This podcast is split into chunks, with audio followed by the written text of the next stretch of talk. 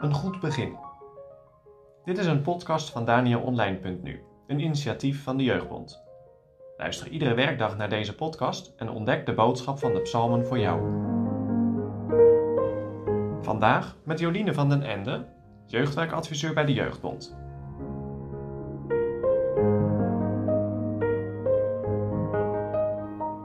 We lezen vandaag Psalm 51, vers 1 tot 15. Schuldbeleidenis. Een psalm van David voor de opperzangmeester, toen de profeet Nathan tot hem was gekomen, nadat hij tot Batseba was ingegaan. Zijt mij genadig, o God, naar uw goede tierenheid. Delg mijn overtreding uit naar de grootheid uwer barmhartigheden.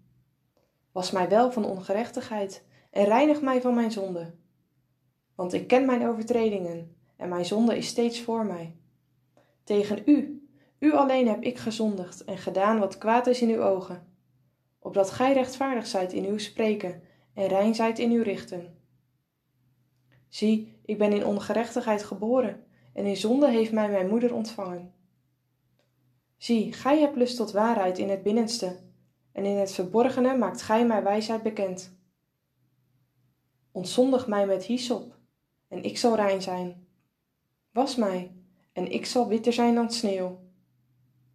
Doe mij vreugde en blijdschap horen, dat de beenderen zich verheugen, die gij verbrijzeld hebt. Verberg uw aangezicht van mijn zonde, en delg uit al mijn ongerechtigheden. Schep mij een rein hart op God, en vernieuw in het binnenste van mij een vaste geest. Verwerp mij niet van uw aangezicht en neem uw heilige geest niet van mij. Geef mij weder de vreugde uws heils, en de vrijmoedige geest ondersteunen mij. Zo zal ik den overtreders uw wegen leren, en de zondaars zullen zich tot u bekeren.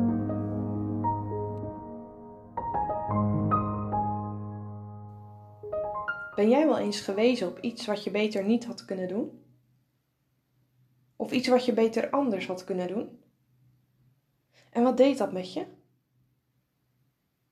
Ik vind het niet altijd makkelijk als iemand mij op mijn fouten of daden wijst. Het maakt voor mij wel heel erg uit wie die persoon is die mij ergens op wijst. Als ik een vertrouwensband met die persoon heb, dan voelt dat anders. Je voelt dan dat die persoon het uit liefde doet.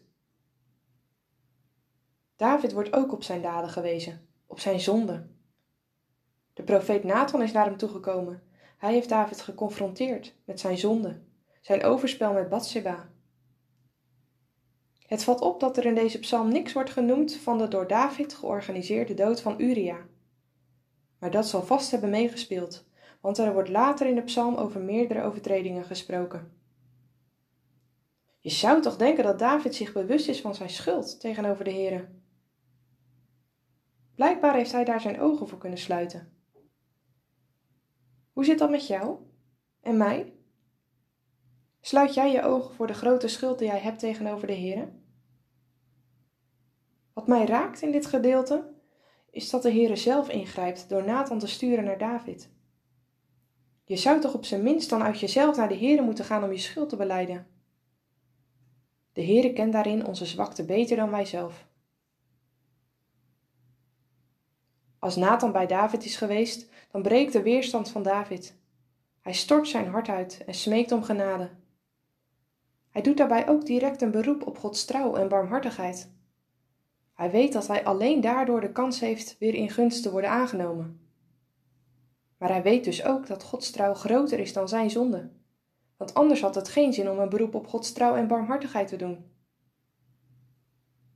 Het gaat hier bij het woordje trouw om een ander soort trouw dan dat wij bedoelen als wij het woordje trouw gebruiken.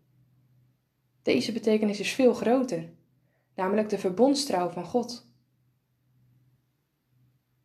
David weet dat zijn overtredingen moeten worden geschrapt uit het strafregister. Hij beseft dat zijn zonden tussen hem en God instaan. En hij heeft het niet alleen over de zonde met Batseba. Nee, hij verdiept zijn beleidenis tegenover de Heere. En hij erkent dat hij al vanaf zijn geboorte zondig is. Sterker nog, hij zegt in vers 6 tegen u: U alleen heb ik gezondigd.